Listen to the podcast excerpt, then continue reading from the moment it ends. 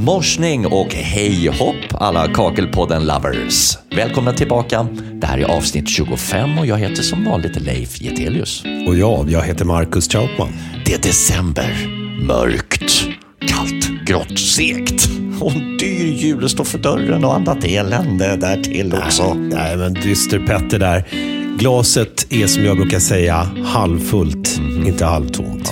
Julen är ju faktiskt riktigt härligt och det kanske också blir en jul med snö. Det ser jag i varje fall fram emot. Och kylan, den får oss att vakna till. Och dessutom så har vi ett fantastiskt avsnitt framför oss. Ja, ja, okej då. Nej, jag har så rätt broder. Det, så är det. Det är lugnt, kompis. Vad händer i avsnittet? Jo, men vi ska kliva in i en plattsättarbil förstår du. Få lite tips på hur man inreder en sån på allra bästa sätt så att man hittar grejerna på en gång och slipper stå en svinkall decembermorgon. Nej, nu var jag där igen. och inte finna det man söker. Okej, det är ordning och reda i kärran helt enkelt. Ja, alltså det är mycket prylar det handlar om. Fix, kammar, fog, pistoler, slevar, såg. Tänger, kakelskärare, hinkar, distanser, hattar. Ja, du fattar. Blandare, pass, pall, fix och fogsäckar. Kakel, klinker och, och, och en herrans massa annat också som ska in i bilen. Yes! Och för att synliggöra det här på bästa sätt så hoppade jag in i min bil och drog till Uppsala där jag träffade Stoffe Landqvist på Landqvist badrum. Hur länge har du varit plattsättare? Eh, Det är nog ungefär tio år nu. Hur länge ska du hålla på då?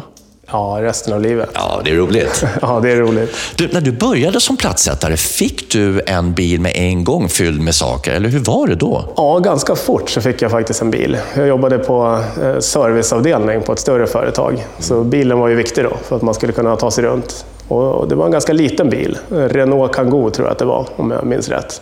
Ja, de där är lite skokartongstorlek på. Ja, man får inte in supermycket i en sån. Det får man inte. Nej. Vi står framför en Ford Transit det här nu, va? Ja. Som du har idag. Stämmer bra. Vad märkte du när du började eller under din, dina år som plattsättare? Vad är det som har varit lite minus när det gäller just eh, upplägget i bilarna? Ja, man behöver ju en tillräckligt stor bil. Det är väl det viktigaste. Så här har vi ju Ford Transit Custom, långa modellen. Då får man in byggskivor och kakellister och lite längre grejer som man kommer att behöva. Har man en för liten bil så blir det oftast väldigt mäckigt att få plats med allting. Då ska man åka med öppna bakdörrar och spännband och eh, gärna någon liten vimpel. Nej, det funkar inte. Men det var lite rörigt i bilarna när du började. Det var det. Vi har provat många olika koncept i bilarna för att få plats med alla saker. Eh, Sen har ju branschen utvecklats lite också, så man behöver ju ja, plats för olika typer av uppdrag. Ska vi öppna upp? Det kan vi göra. Men du, eh, Stoffe, är du pedant? Nej. Det här är ju lika rent som hemma när jag har eh, låtit min dotter städa lägenheten. Ja, då gör hon ett bra jobb. Då tar jag och kliver in helt enkelt här. Då. Ja, bingo. Du, eh, alltså det, just nu eh, så har du inga, det finns inga säckar här i någon form. Nej, inte idag. Nej, utan det är ju då resten här till. Men det är ju ett utrymme som att jag kan ju faktiskt ha en liten eh, sexmannafest här inne just nu. Ja, det går bra. Men det är väldigt mycket ordning och reda. Berätta lite här om hyllorna du har fixat. Ja, vi har provat lite olika koncept. Eh, allt från eh, ganska dyra hyllor med fullspäckat med lådor överallt eh, till att stoppa alla grejer i sustainer-lådor som man kan ha lätt lasta i och ur. Men det brukar sluta med att alla grejer hamnar på golvet i bilen i hinkar eller liknande. För att det är de grejerna man behöver. Det ska vara lätt åtkomligt. Just det. För att nu sitter jag i den här transitbussen med näsan mot eh, hytten och då är det som tre stycken hyllor, eller två hyllor kan man säga på höjden här på vänster sida. Och så är det helt tomt. Här, eh, ja, här är det bara helt... Här ska ju alla... Vad var det du berättade om pallarna här du sa? Ja, men det är det viktiga. Det du inte såg idag, det var ju alla säckar och kakelpaket och sådana saker man kan behöva ha med sig. Eh, och det är i princip någonting man lastar hos leverantören. Det åker man och hämtar och sen åker man dit man ska med det. Och då är det viktigt att det här, det finns plats för det. Och då har vi nämligen gjort så här att eh, man kan lasta in en pall i bilen med en gaffeltruck. För att slippa stå och handlasta allting in i bilen blir det lite mer ergonomiskt. Så i den här sidodörren nu, här får in en pall rakt in bara. Stämmer bra. Och så ställer man ner den med trucken och så backar man ut trucken och stänger dörren och åker till kunden. Och så sparar man lite rygg där. Då sparar man lite rygg och lite tid också. Just det. Och du får in en här bak också, bakdörren då? Stämmer bra. Vi kan lasta in en pall bakifrån också. Så två välfyllda pallar? Ja, det man behöver akta sig lite för är eventuellt överlast. Då. Hur många bilar procentuellt sett, om vi utgår från 100, tror du har den möjligheten att stoppa in två fulla pallar i sina plattsättarbilar? Det är nog inte jättemånga, för att det brukar vara lite mycket hyllsystem. Och du har inte hinken här just nu heller? Nej. Vad brukar du ha dem då? Oftast är det en pall vi tar med oss. Eh, och då har vi också plats där den andra pallplatsen är då för att ställa hinkar.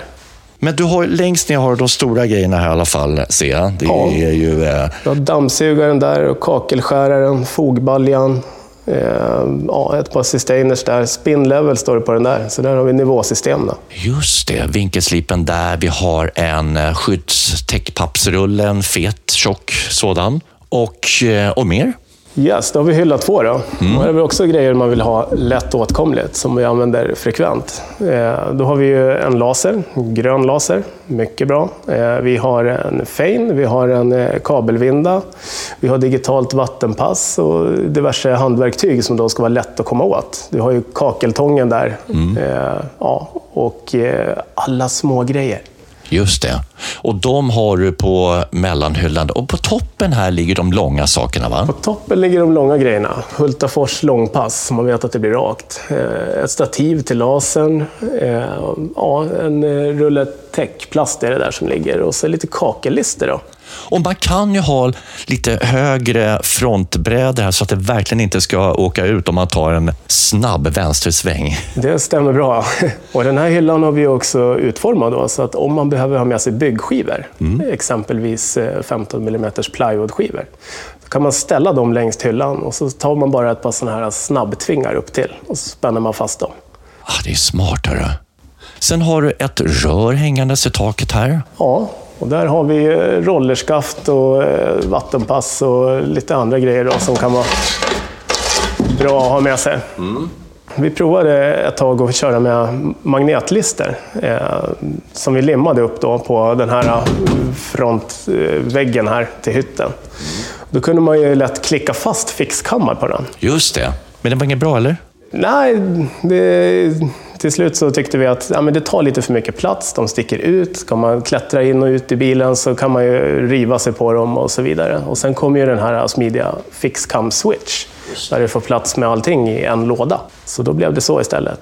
Hur mycket får man packa då? För det här väger ju mycket nu. Om du ska in med två stycken pallar plus alla attiraljer som finns här. Ja, eh, nu vet inte jag exakt vad det här hyllsystemet och verktygen vi har i bilen just nu väger. Men en sån här bil får man lasta ungefär 900 kilo i. Så stoppar man in två eh, pallar med flytspackel, då vill man inte stanna i poliskontrollen sen. Alltså allting står så perfekt där. Händer det någon gång att kunden råkar titta in i din bil när du är ute och åker eller när du väl kommer? Ja, självklart. Om man rullar upp till någon villa och kunden är hemma och ska åka till jobbet så sliter man upp dörren på bilen och det är klart de ser då om man har kaos eller inte. Och då vill man ju gärna att det ska se bra ut. Ja, men alltså det måste skapa en viss trygghet hos kunden att veta, okej, det här är en, i ditt fall då, en kille som har lite ordning och reda. Honom släppa in och så åka iväg till jobbet trygg med att det här kommer bli bra. Ja, det hade jag känt som en trygghet i alla fall. Ja. Har du stött på någon plattsättare vars innehåll bara har ramlat ur bilen när de öppnar sina bakdörrar? Ja, många gånger. Många gånger också. Jajamän. Okej, så en riktigt bra ordning, en plattsättarbil, det vurmar kanske för en härlig vardag både för dig och för kund. Det skulle jag säga. Eh, För det som kan bli kaos i en plattsättarbil lätt, om jag ska prata av erfarenhet, det är alla de här säckarna. Det, det, det är rester av fog och fix och du ska ha snabb fix, du ska kanske ha någon naturstensfix som har blivit över. Du kan ju ha ett litet eh, sortiment med överblivna säckar. Det kan ju vara åtta olika produkter. Och sen ska du in med alla andra grejer i bilen. Eh, Säg att du behöver lasta en eh, vattensåg till exempel för att du ska köra lite natursten. Eh, Den är ganska stor. Den måste få plats någonstans. Och så hamnar det lite hinkar med lite verktyg som välter som sticker hål på de här påsarna. Eh, Och nästa gång du lyfter påsen så har du ett dammoln i hela bilen. Så det gäller att ha lite ordning på grejerna. Och dammoln, det innebär också att du går in med en riktig byggdammsugare emellanåt. Ja, det måste man göra. Eh, måste hålla rent. Det finns många skrymslen och vrår där det, dammet hamnar. Och förr eller senare så blir det ju så här. Den här bilen har ju varit med lite grann. Så här har vi ju ja, rätt så mycket fix och rester. Mm. Men jag kan faktiskt stoppa in en 90-säng här och lägga mig och somna in lite nu faktiskt medan du går och fikar om jag skulle vilja. Det går alldeles utmärkt. Ja. Ska vi kolla lite hur det ser ut i eh, förarhytten på en gång? Då? Det kan vi göra. Jag misstänker att det ser lika, lika bra ut där med. Ska vi se här. Och så och så bommar vi igen den här dörren. Va? Jajamän. Så där, då öppnar vi framdörren. Ja, det är lite rostad lök och en tuggummiförpackning och lite hörselskydd. Annars är det ganska rent. Vad ska man tänka på här då?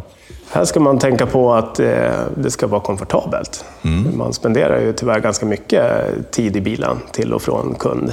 Och du har ju ingenting som har med själva plattsättararbetet eh, att göra här inne, eller hur? Nej, det är väl, ibland så är det ju tvärfullt där bak. Då kan väl något litet kakelpaket eller något hamna här fram också, men helst inte. Här vill man ju bara dricka sin morgonkaffe från Statoil. Så det är, mugghållare rekommenderar jag. Det är bra grejer. Och det finns det gott om i den här bilen. Plats för vattenflaskan kanske, när man eh, svettas mycket på sommaren och jobbar hårt. Sen har de ju lite smarta förvaringsutrymmen här under sätena faktiskt. Just det. Där kan man ha grejer också, ja. Där har vi lilla första hjälpen-lådan. En bygghjälm och en väst.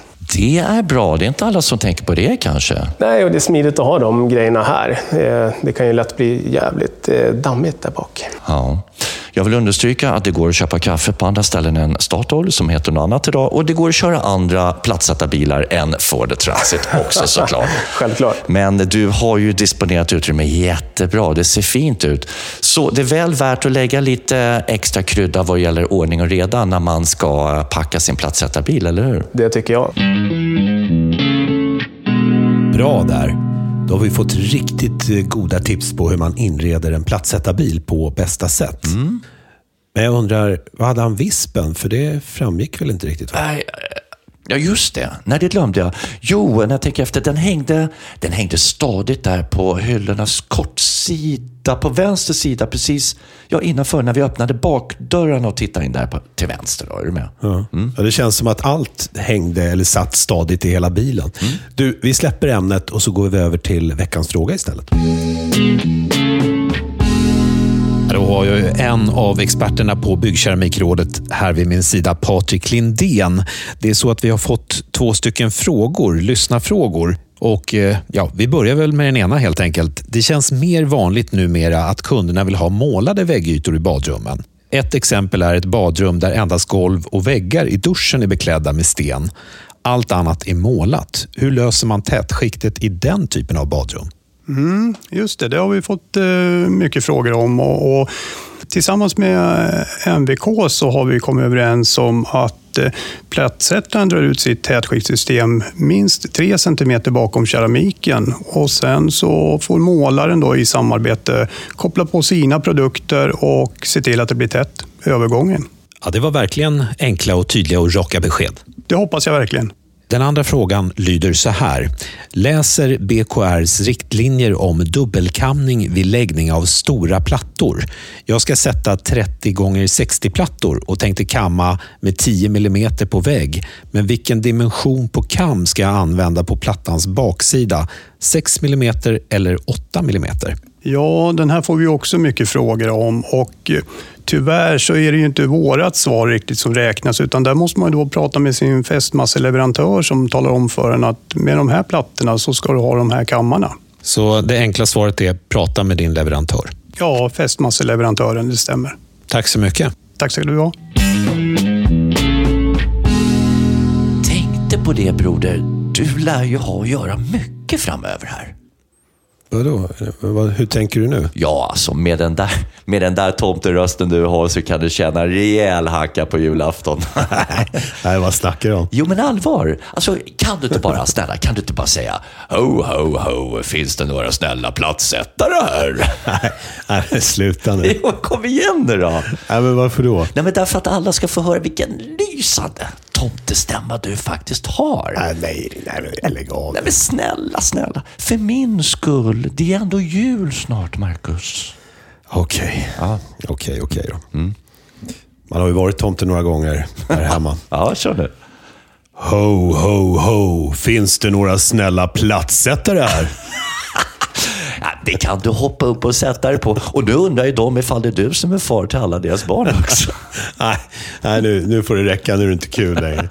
Nej, nej, okej. Okay. Men du, då tar vi och växlar över till något helt annat. Då, då. Okej, okay. som vadå? Ja, du vet inte någonting om det? Nej, nej, nej nu, vet, nu vet jag faktiskt ingenting. Här. Jo, häromdagen så satt jag och bläddrade i nya numret av Lera som kom ut i slutet av november och så tänkte jag redan när jag kikade på omslagsbilden att den som har gjort det här måste jag bara byta några ord med.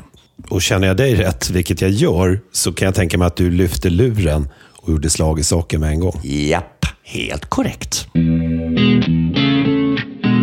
Då har jag med mig Josefin Tolstoj per telefon från Uppsala. Hej på dig!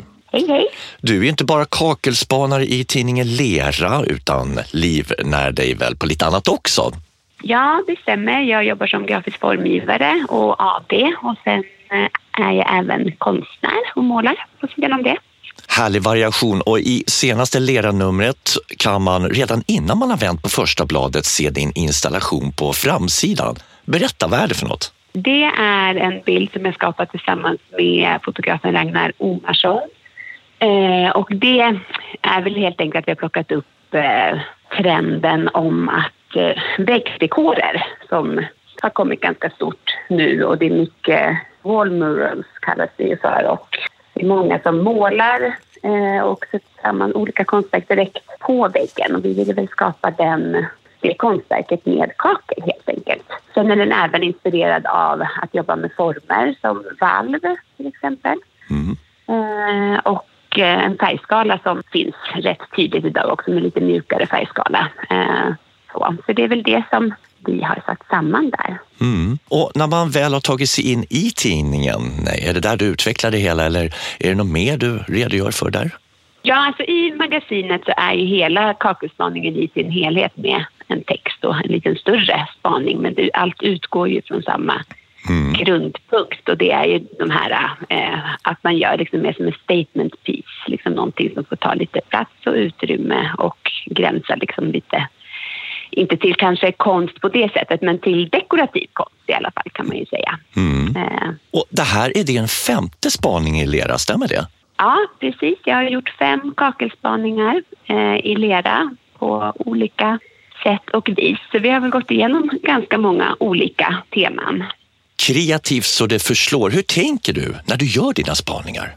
Ja, jag gör väl en del research eh, på vad jag ser runt om helt enkelt i form av olika tendenser både inom eh, mode och design i stort. Eh, vad som händer i form och formvärlden. Men eh, även senaste året så tycker jag ju också att eh, den här eh, hantverkstrenden som ju alltid kanske man kan säga har varit aktuell men den har blivit ännu större kan jag tycka i och med den här äh, pandemin kanske och eh, frånvaron från fysisk kontakt med andra människor har blivit ännu viktigare med hantverk och människors eget skapande och det speglas också mycket i designvärlden, eh, tycker jag. Mm. Gör det själv, det är väl härligt i folkhemmet. Och tidningen Lera har ju redan kommit ut, men jag tänkte så här avslutningsvis. Skulle du kunna bjuda på någon keramikrelaterad trendspaning innan vi lägger på, tror du?